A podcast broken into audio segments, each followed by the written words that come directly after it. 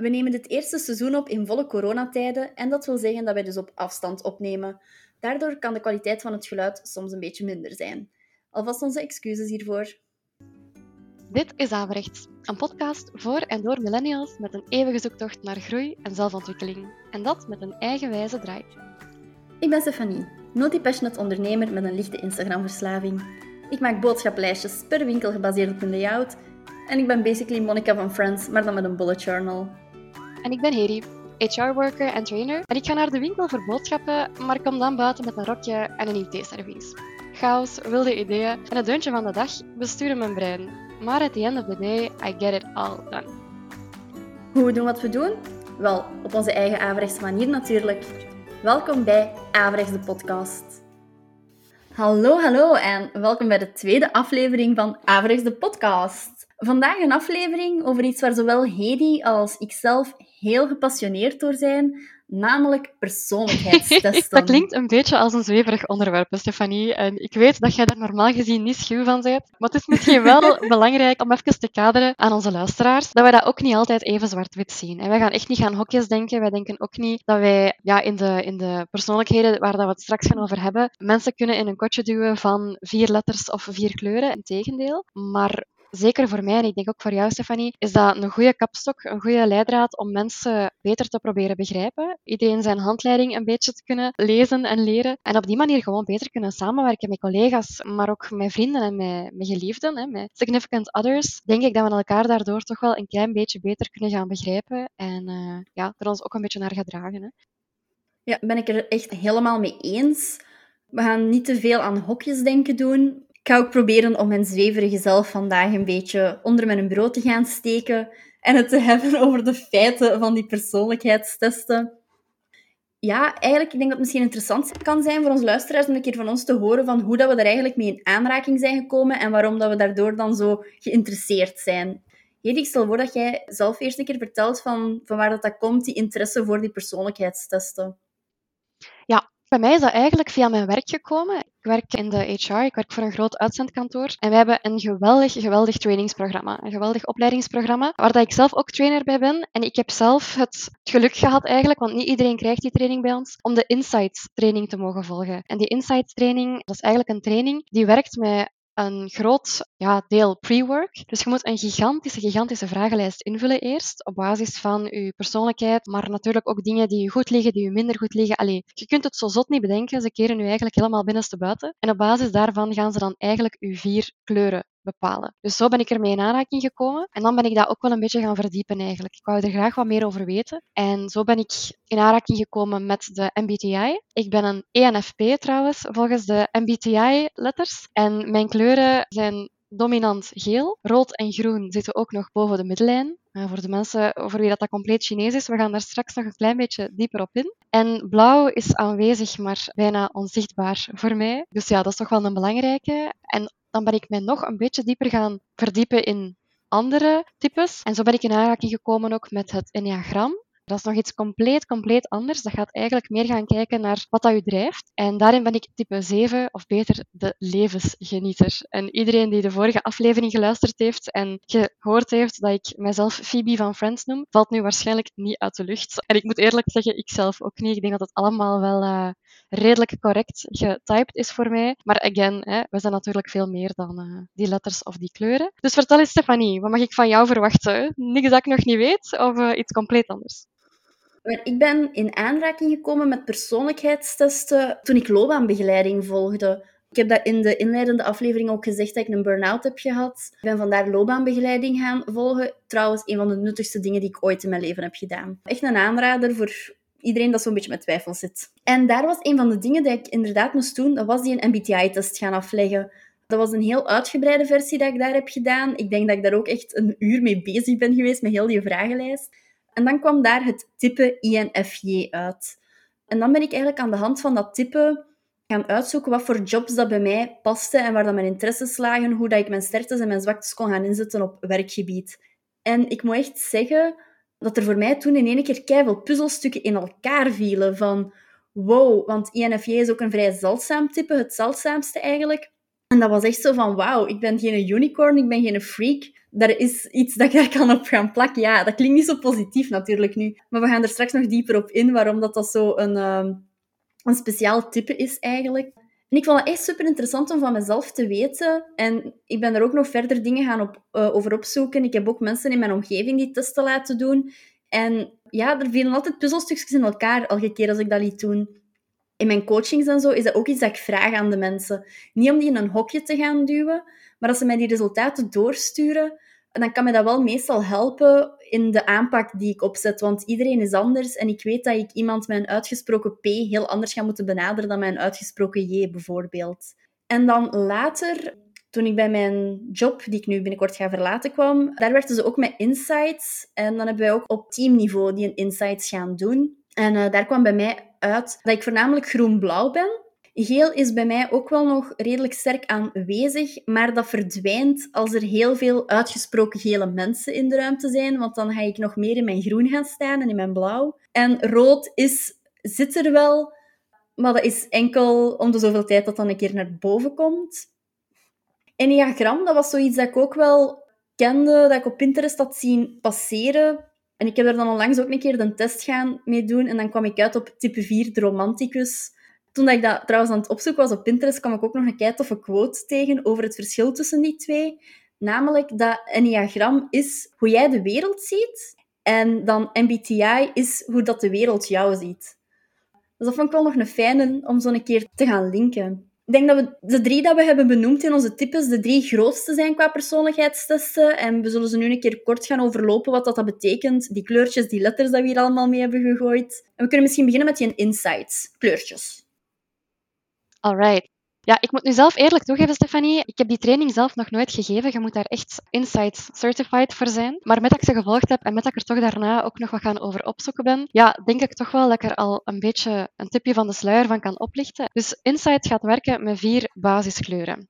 Voor iedereen die nu dominant blauw is, die gaan al denken, ah, er zijn maar drie basiskleuren, Hedy, rood, geel en blauw. Nee, in Insight zijn er vier basiskleuren en dan gaan we daar nog groen aan toevoegen. Ik zal misschien beginnen bij mijn eigen kleuren. Ik ben dominant geel. En geel heeft als positieve eigenschappen dat die heel vrolijk zijn, heel opbeurend, bezield, altijd energiek en enthousiast. Dat zijn de positieve dingen. Maar natuurlijk zijn er ook negatieve kanten aan kleurtjes. En zo is geel bijvoorbeeld soms een beetje te expressief. Of kunnen die overkomen als niet zo betrouwbaar of mensen waar dat je moeilijk iets aan vertelt dat niet mag doorverteld worden. Het is ook moeilijk om bescheiden te blijven als je met geel leidt. Dus uh, dat is een iets minder goede eigenschap dan. Als je dan kijkt naar de mijn tweede kleur, zo gezegd, hè, rood, dan zijn dat mensen die ja, vurig rood zijn. Dus ook wel positieve mensen, maar vaak ook heel assertief, soms te assertief. Heel scherp ook wel, willen straight to the point gaan, wachten niet graag, willen meteen resultaat. Maar langs de andere kant zijn die ook heel veel eisend, kunnen die een beetje agressief of zelfs dominant overkomen. En dan vooral op hun groene collega's. Dus Stefanie, ik weet niet of dat jij veel rode collega's hebt, of dat jij ooit dat gevoel hebt gehad bij mij. Als je nu nee zegt, weet ik dat je aan het liegen bent. Maar dominant rode mensen kunnen wel eens dominant letterlijk overkomen. Ik vind dat wel herkenbaar. Ik had er nog nooit zo niet over nagedacht. Ik dacht dat het altijd zo dat geel was. Ja, ik werk ook in hoofdberoep in de creatieve sector. Marketing is wel heel creatief en er zaten inderdaad in mijn team een aantal heel gele mensen. Maar ik had er nooit niet over nagedacht dat dat inderdaad die combinatie met dat rood was, waardoor dat ik dan op mijn achterpoten ging staan. Dus ik ben hier al aan het bijleren terug. Hela, daar doen we het voor. Hè. Ik denk in mooi contrast met, met die groene energie dan. Hè, dat zijn vaak de stillere, rustige mensen. Maar dat zijn ook heel vaak de caring, de verzorgende mensen. Hè. Dat zijn meestal de mensen die in een groep gaan kijken, oké, is iedereen hier wel gehoord? Is iedereen wel goed mee? Langs een andere kant, en Stefanie, this won't come as a surprise to you, zijn dat vaak ook wel heel koppige mensen, de groentjes. Maar kunnen die omgekeerd dan door iemand met leidende rode energie gezien worden als passief of te traag. Waar dat iemand met rode energie eigenlijk meteen to the point wil komen en meteen een oplossing vinden voor een probleem, gaat een groene, als ik het zo mag noemen. Eerst gaan kijken, oké, is iedereen wel mee? Hebben we alles wel afgewogen? En zo kunnen die eigenlijk een beetje te afwachtend overkomen op een rode bijvoorbeeld. En uh, om dan naar de laatste kleur over te gaan, Stefanie, dat is ook eentje die bij jou duidelijk heel goed aanwezig is. Dat is dan het blauwe. Mensen die lijden met blauwe energie zijn vaak heel analytisch, heel objectief ook, gaan echt denken en spreken in termen van cijfers, data, gegevens, feiten objectieve feiten. Dus dat zijn vaak wetenschappers of vaak mensen met een bullet journal bijvoorbeeld. Maar die hebben natuurlijk ook hun slechte kanten. En als je dan gaat kijken naar die slechte kanten, dan ga je zien dat die soms overgedetailleerd zijn. Hè, dat die een probleem te diep willen uitspitten, te nauwkeurig of te pietluttig eigenlijk, en bijna besluiteloos. En dat is nog natuurlijk iets waar dat iemand die leidt met gele en rode energie niet van houdt. Iemand die geen beslissing of geen besluit kan nemen. Ik kan dat alleen maar beamen natuurlijk. Maar belangrijk bij die insights is wel dat er niemand is die een bepaald kleur niet bezit. Dus je hebt altijd alle kleuren, je bestaat uit een beetje van alles, maar het is uw mix van kleuren dat u gaat typeren eigenlijk. Dus bij mij, ik zit met drie kleuren boven de middellijn. Dat wil zeggen dat het bovengemiddeld aanwezig is bij u. Bij mij is dat dus geel, rood en groen. Mijn blauw zit niet boven de middellijn. En mij gaat dat dus maken tot de inspirator. Dat is een van de types die Insights voorop zet. En als je daar dan meer gaat over lezen, dan ga je ook meteen zien, oké, ik herken mij daarin, zowel in de goede als in de minder goede dingen. Want dat is natuurlijk het fijne aan die Insights-opleiding. Wij krijgen daar op het einde ook een boekje van, zodat onze manager of onze directeur eigenlijk echt kan gaan volgen hoe dat ze ons het best kunnen beoordelen en hoe dat ze het best met ons kunnen praten. En bij het lezen van mijn boekje kan ik toch alleszins al zeggen dat ik dacht, damn, dat is echt ja, bijna freakishly correct. En ik heb dat ondertussen ook al aan elke manager of aan elke meerdere die ik ooit heb gehad doorgegeven, want ik vind dat echt super interessant. Ja, eigenlijk is dat een beetje uw handleiding, hè? Eigenlijk is dat echt mijn handleiding. Mocht ik een IKEA-meubel zijn, maar dan heel ingewikkeld, dan was dat mijn handleiding. ah, en vertel eens, Stefanie, vertel eens over uw handleiding in de MBTI. Wat zou IKEA van jou moeten weten? Ja, die MBTI, dat is iets, ik post daar regelmatig op Instagram een keer over met de hashtag INFJ struggles. Want dat type dat ik heb, INFJ, dat is eigenlijk een vat vol tegenstellingen. En dat brengt heel veel struggles mee. Die een INFJ staat bekend als een extravert en introvert bijvoorbeeld. En een F, dat is iets dat jij ook hebt in je MBTI-type. En eigenlijk, ja, is dat ook een heel tegengestelde manier van denken en zijn. Dus heel veel struggles. Maar ik ga eventjes ingaan op wat dat die types en die kenmerken zijn, zo gaat het wel duidelijker worden. MBTI, oftewel die een uh, Myers-Briggs Type Indicator, als je het in het lang en breed wilt gaan uitleggen, is een persoonlijkheidstest die gebaseerd is op de theorieën van uh, Carl Jung. Dat is een psycholoog. Mensen die in hun opleidingen psychologie hebben, zullen die naam zeker en vast wel herkennen.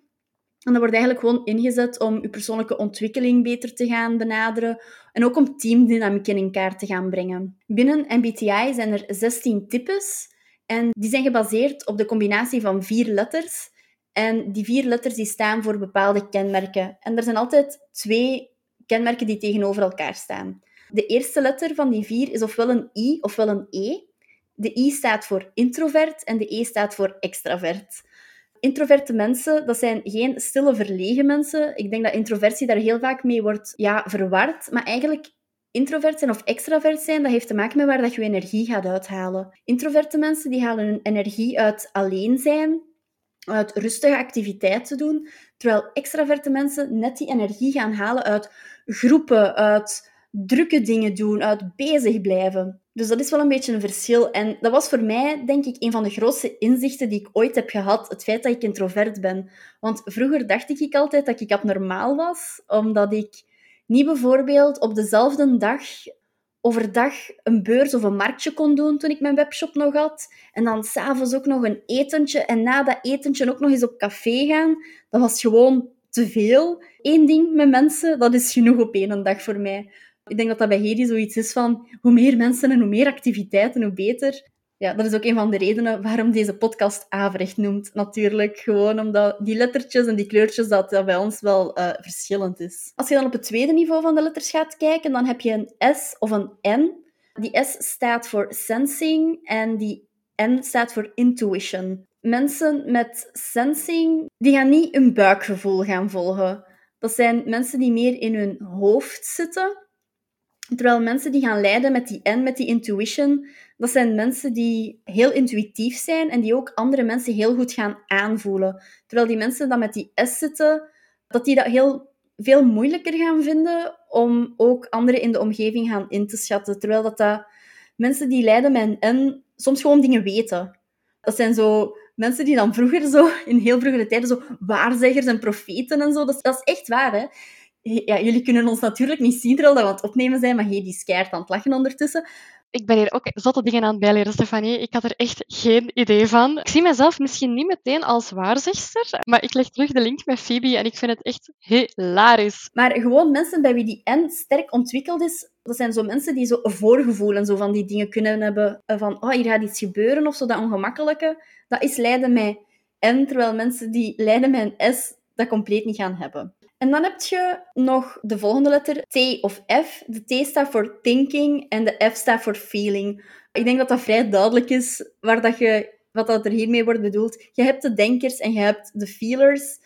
Feelers die gaan hun gevoelens voorop stellen, die gaan ook van daaruit gaan handelen, terwijl de thinkers echt wel zo de mensen zijn die feiten nodig hebben om beslissingen te gaan maken. Terwijl mensen die feelers zijn, eerder gewoon iets gaan doen vanwege een goed gevoel of van ja, hoe, dat ze daar, ehm, hoe dat anderen zich daar ook bij voelen. Terwijl thinkers echt wel op feiten gaan gebaseerd zijn. En dan de laatste, de J versus de P. J staat voor judging en de P staat voor perceiving. Mensen met een J, dat zijn de mensen die structuur nodig hebben, die graag lijstjes maken, die graag voorspelbaarheid hebben. Terwijl de mensen met een P, dat zijn heel enthousiaste mensen die heel los in het leven staan en die houden van drukte en onvoorspelbaarheid. Vaak ook uitstellers. En mensen, hoe sterker dat je in het een of in het ander staat, dat is nooit of-of. Dat is altijd op een schaal van 0 tot 100. En je hebt mensen die bij sommige letters heel uitgesproken die letter zijn, maar soms kan dat ook op de grens zitten. Ik weet, bij Hedy en mij, en ik denk dat dat ook een beetje de reden is dat we, dat, dat wel goed klikt, is onze J en onze P, dat is allemaal, dat is bij beide geen 100%.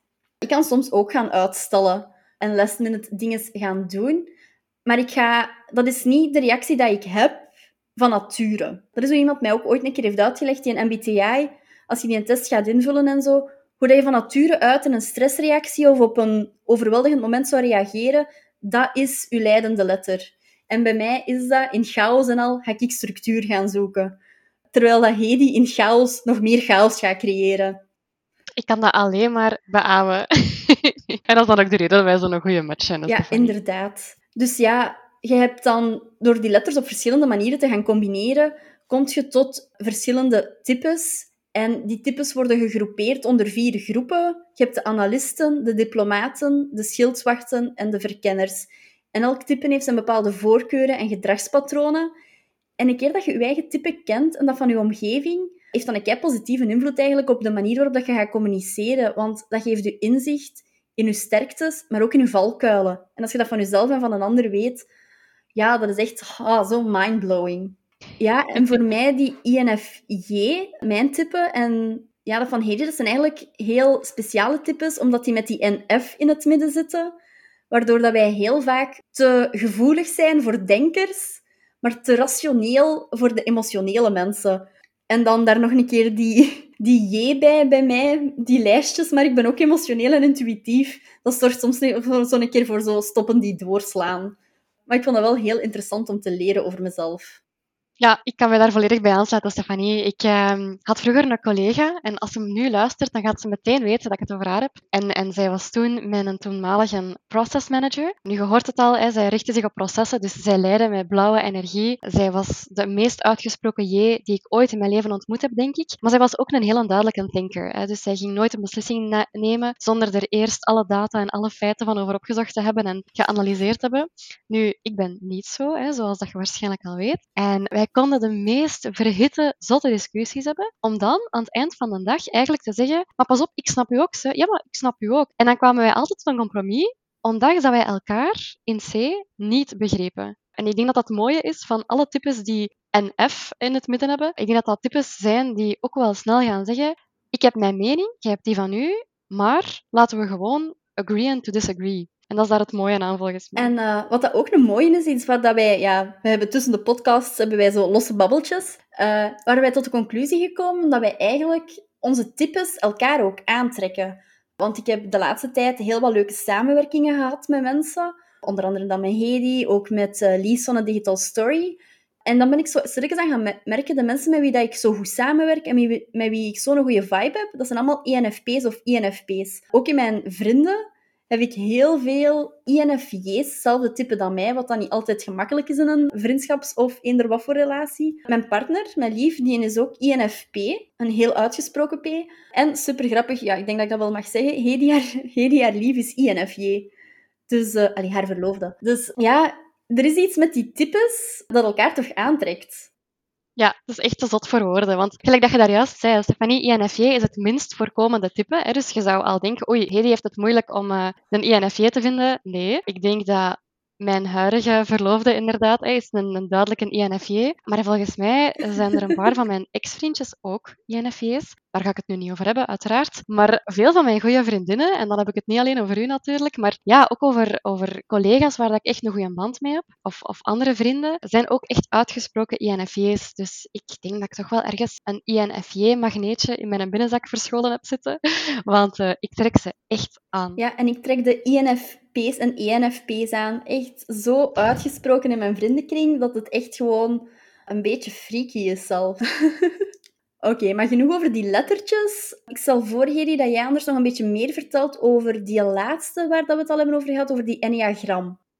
Alright. Ja, ik moet eerlijk zeggen, het enneagram is iets waar dat ik zelf het minste over ken, waar dat ik al het minste heb over opgezocht, maar dat eigenlijk ook het minst uitgebreide is. Dus bij deze, het enneagram focust eigenlijk op die vorm, die klassieke vorm van een negenpunt. En zo gaan ze eigenlijk negen types gaan bepalen. Ik ga misschien kort even vertellen wat die negen types zijn. Hou in je achterhoofd misschien, je gaat dat misschien ook al herkennen, dat Stefanie eigenlijk een leidend type 4 is en ik een leidend type 7. Oké, dus als we bovenaan het enneagram beginnen, dan starten we met type 1. En dat is de perfectionist. Dat is wat een typische goody two-shoes. Die lijken altijd alles op orde te hebben. Allee, dat zijn zo die mensen waarvan je denkt, is er iets wat jij niet kunt? Die mensen.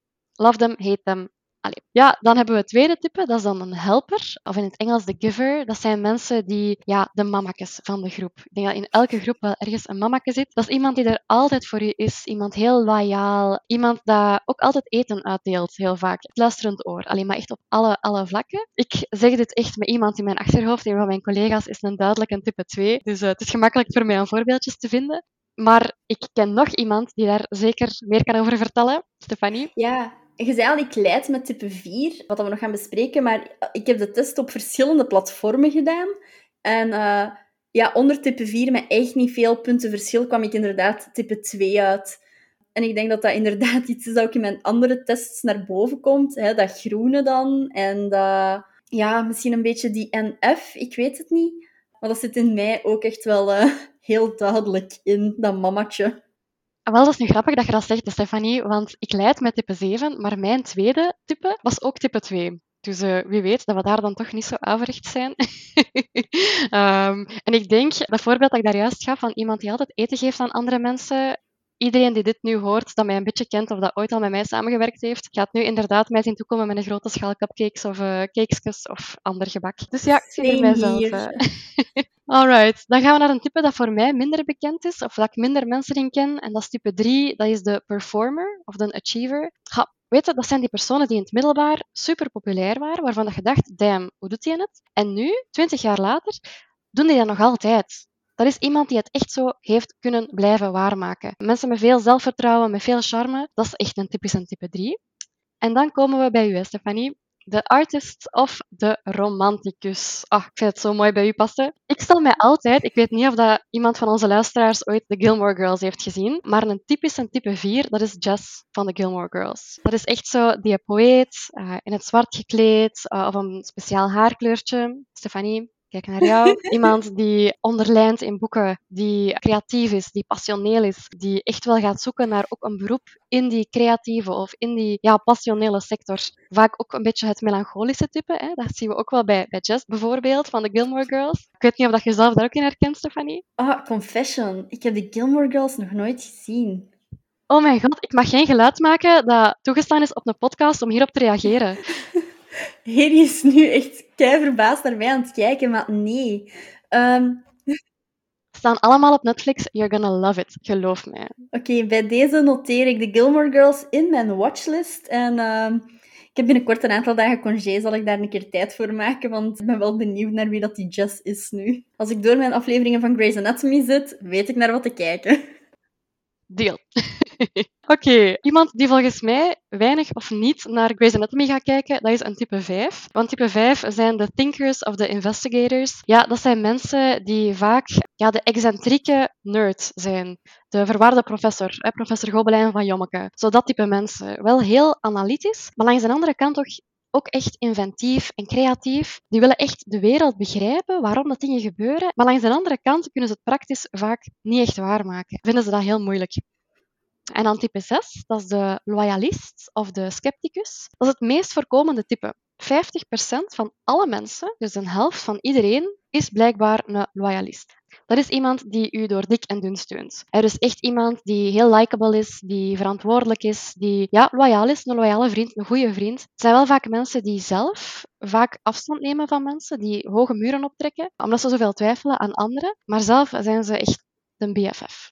En dan komen we bij mijn leidend type. Ik had daar straks al even aangehaald dat mijn tweede type type 2 was. Maar ik leid duidelijk met type 7. Dat is de levensgenieter of de optimist. Ja, dat is iemand die graag een feestje bouwt. Iemand uh, waar dat mensen over het algemeen graag bij zijn. Het is moeilijk om dat over mezelf te zeggen, maar bon. En die dingen gaat doen ook waardoor dat iedereen zich gaat goed voelen. Hè. Die graag heeft dat iedereen een feestje heeft. Hè. Zijn mensen die heel nieuwsgierig zijn en rechtuit. Maar Stefanie, misschien kunt jij daar ook nog wat meer over vertellen. Ja, eigenlijk als je het zo vertelt, is dat niet raar dat type 2 uw, uw tweede type is. Want je wilt het iedereen naar zijn zin maken. En dat zorgende, dat is dan toch iets dat daarop aansluit. Dus ik denk dat er bij iedereen wel een logica zit ook in waarom dat dan uw tweede of uw derde type past bij uw eerste type. Want eigenlijk is dat die kernwaarden een beetje hetzelfde. Ik denk dat dat bij mij ook wel is dat je een type 4, zo dat, ja, zo dat lieflijke dat daarin zit van de romanticus, dat dat dan terugkomt naar dat zorgende. Inderdaad, ik denk dat echt ook. Ik denk dat het veel moeilijker is om een type 7 bijvoorbeeld als tweede type type 5 te geven, hè, die een mhm. thinker. Iemand die echt heel analytisch is en, en onafhankelijk is. Ik denk dat dat al veel moeilijker te verenigen is, maar inderdaad. Dus ja, Stefanie, ik vermoed dat jij er mij in herkent. Er zijn vaak te op veel vlakken zijn vaak ook heel snel excited en heel rechtuit, maar worden vaak ook wel geleid door FOMO, fear of missing out, of om niet door iedereen uh, aardig gevonden te worden of leuk gevonden te worden. Dus vaak gaan die een beetje in overdrive, omdat ze denken, oké, het moet hier tof blijven, het moet hier plezant blijven, maar soms is gewoon oké ook al goed genoeg. Hè. Lesje voor mezelf.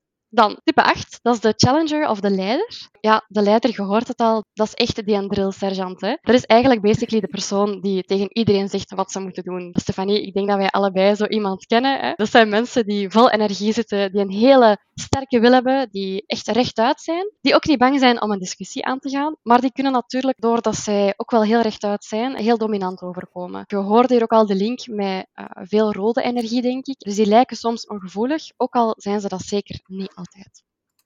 En dan zijn we al bij het laatste type aangekomen. Dat is de vredestichter of de mediator. Ja, dat zijn mensen die wat meer go with the flow zijn, down to earth. Altijd is alles goed. Dat zijn de geruststellende types. De gemakkelijke karakters, heel onbaatzuchtig, hebben vaak niet echt een mening, gaan met alles akkoord. En daardoor komen die soms een beetje apathisch over, hè, omdat ze moeilijk een, uh, een beslissing kunnen maken. Maar eigenlijk komt dat allemaal van een dieper liggend gevoel van ik wil hier geen conflict. Hè. Dat zijn mensen die graag de vrede willen bewaren en die bang zijn om connectie met iemand anders te verliezen, mocht dat toch fout lopen. Dus die gaan conflict ten allen tijde proberen vermijden. Voilà, dat zijn de negen types, even kort gezegd. Stefanie, heb jij daar nog iets op aan te vullen? Ja, we hebben nu over die drie verschillende dingen gehad, maar je hebt al gehoord dat wij vaak ook linken hebben gelegd als u dat interesseert, kunt er zeker heel veel gaan over opzoeken. En er zijn ook heel veel websites en blogs die ook die linken leggen tussen die verschillende tests. En ook super grappig, als je zo op Pinterest gaat opzoeken over MBTI en zo, dan gaat je ook zo zien dat ze dat soms linken met boeken of tv-shows en van die toestanden. Ja, ik heb zo een, iedereen dat me kent gaat dat niet verbazen, zo'n keer een gepint van uh, Harry Potter en dan al de MBTI-types daarop toegepast. En dat was zo ja, dat is wel een heel visuele manier om het een keer te zien ook. Ja, ik denk dat het wel belangrijk is om nog een keer opnieuw te gaan benadrukken dat alles wat we hier hebben verteld, is geen exacte wetenschap is. Maar ik vind het wel heel interessant om jezelf en anderen op deze manier beter te leren kennen. En ik weet dat door die tests te doen en mensen in mijn omgeving die tests te laten doen, dat dat echt wel iets is dat mij heeft geholpen om beter te leren communiceren. En ook om beter aan te geven hoe dat er met mij moet gecommuniceerd worden. Of hoe dat ik in elkaar zit, hoe dat mijn handleiding is. Maar het is niet omdat jij bijvoorbeeld een INFJ bent of dat jij lijdt met rood, dat dat is wie dat je zijt. Maar het is wel interessant om dan bepaald gedrag of bepaalde gevoelens of bepaalde instinctieve reacties een kader te kunnen geven. Maar ik denk dat we daar in een van de komende afleveringen nog een beetje dieper op ingaan rond die communicatie. En eigenlijk ja, een beetje zo taalgebruik in combinatie met je persoonlijkheid. Alright, ik kijk er al naar uit, Stefanie. Bedankt om te luisteren allemaal. Volgende week woensdag opnieuw onze nieuwe afspraak. In de show notes vind je de links naar uh, verschillende gratis testen die je zelf eens kan afleggen om te gaan kijken welke kleurtjes, lettertjes of types dat bij jou passen. Dus ik zou zeggen, vergeet ons zeker niet te taggen op jouw Instagram-verhaal met afrechts.depodcast en ons te delen wat jouw type of jouw lettertjes zijn. Volgende week gaan we het hebben over mythes van productiviteit en de links vind je zoals altijd in de show notes. Tot de volgende!